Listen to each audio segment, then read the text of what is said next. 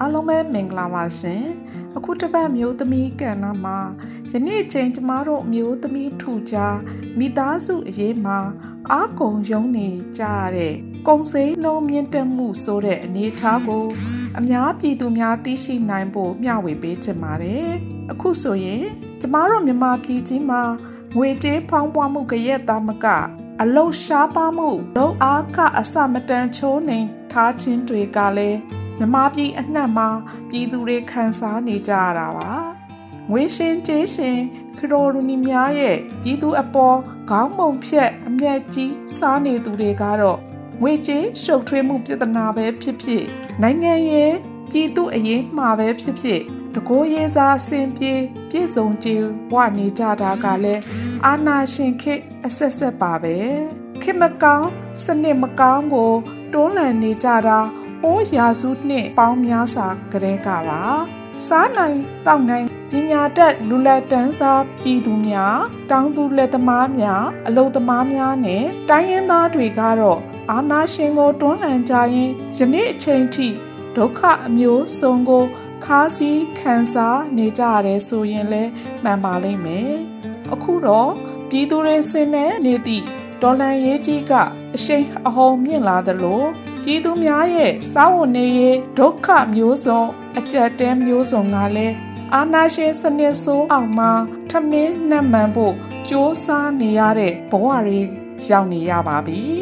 လူတယောက်ရဲ့ဘဝမှာအရေးကြီးဆုံးဖြစ်တဲ့ကျမ်းမာရေးဆိုတာကလည်းမိမိကိုယ်ကိုဂရုစိုက်နိုင်ဖို့ဝေးလေစွာမကျမ်းမာသည့်နေရာများမှာဗမာဆေးကိုပြီးဝဲလို့တထုပ်ကိုတမိသားစုစားကြရင် အာဟာရဖြည့်ဆွက်စားစာဆိုတာကလည်းစားနိုင်ကြတဲ့မိသားစုတွေမရှိသလောက်ပါပဲဒီလိုအခြေအနေမှာမိသားစုအသက်တွေဆုံးရှုံးကြရင်တိုင်းပြည်အုပ်ချုပ်မင်းလုံချင်းသူ အာနာယူများလက်အောင်မှာဘဝတွေကခါသက်နေလေရဲ့ဒီကြားတဲ့ပြည်သူတွေဆိုတာတရိပ်ရိပ်တက်နေတဲ့ကိုယ်စေးနှုံမြင့်မားမှုနဲ့ကြက်ငွေအခြေအနေဘယ်ထိရောက်နေတယ်ဆိုတာ အမျိုးမျိုးသောဤဖြင့်ပြည်သူကိုနှိပ်စက်နေကြသည့်ဖက်စစ်အာဏာရှင်အကျဉ်းဆိုးစနစ်ဆိုးတွေကိုအန်တုလို့အသက်ရှင်နေထိုင်နေကြတာပြည်သူတွေရဲ့ဘဝပါဒီเจ้าနဲ့ဆက်ဆက်လို့ကျမနဲ့အတူနေကလေးတယောက်ကသူ့မိခင်အလုံးလုပ်ခဲ့ရတဲ့အချင်းတွေကိုပြောပြခဲ့ပါတယ် ရှစ်နှစ်သားအရွယ်ကလေးငယ်ကဆီယာမရဲ့အမေကတနေ့ကိုငွေ9000ကျပ်ဖဲရတာဈေးလဲရောင်းပေးရတယ်ကျွတ်သွန်အိတ်တွေလဲထမ်းရတယ်သူတို့ကလေးအဝတ်တွေလဲလျှော်ရတယ်မိဖို့ကြောင့်လုပ်တွေလဲလုပ်ပေးရသေးတယ်အမေသေးပြီပေါ့ဆီယာမရဲ့တဲ့မိခင်ရေခင်မှာနားခိုရမယ်အမေကိုချစ်လို့အခုလိုစားဝတ်နေရေးမပြေလဲချင်းတခြားမိခင်တယောက်စီမှာသူနားခုနေရတာပါ အိယာဝင်ချင်းကလေးငယ်ရဲ့ငိုရှိုက်တန်းလေးကကျမရင်းကိုအတော်ထွေးကြိုက်ခဲ့ရပါတယ်ဒီလိုမိသားစုတွေအခုလိုခစ်ဆိုးစနစ်ဆိုးချမှာအများကြီးရှိနေပါပြီအခုလိုအဖြစ်ပြက်စိုးများနဲ့မိသားစုတိုင်းမကြုံရလျောင်းခေါင်းပုံဖြတ်ငွေရှင်ကျေးရှင်ကြီးများကိုလည်းတွန်းလှန်ကြရမှာဖြစ်ပါတယ်လူတိုင်းမှာလူခွင့်ရေးဆိုတာရှိပါတယ်လူတယောက်ရဲ့လုံအားကဆိုတာထိုက်တန်တဲ့လုံအားကပဲဖြစ်ရပါမယ်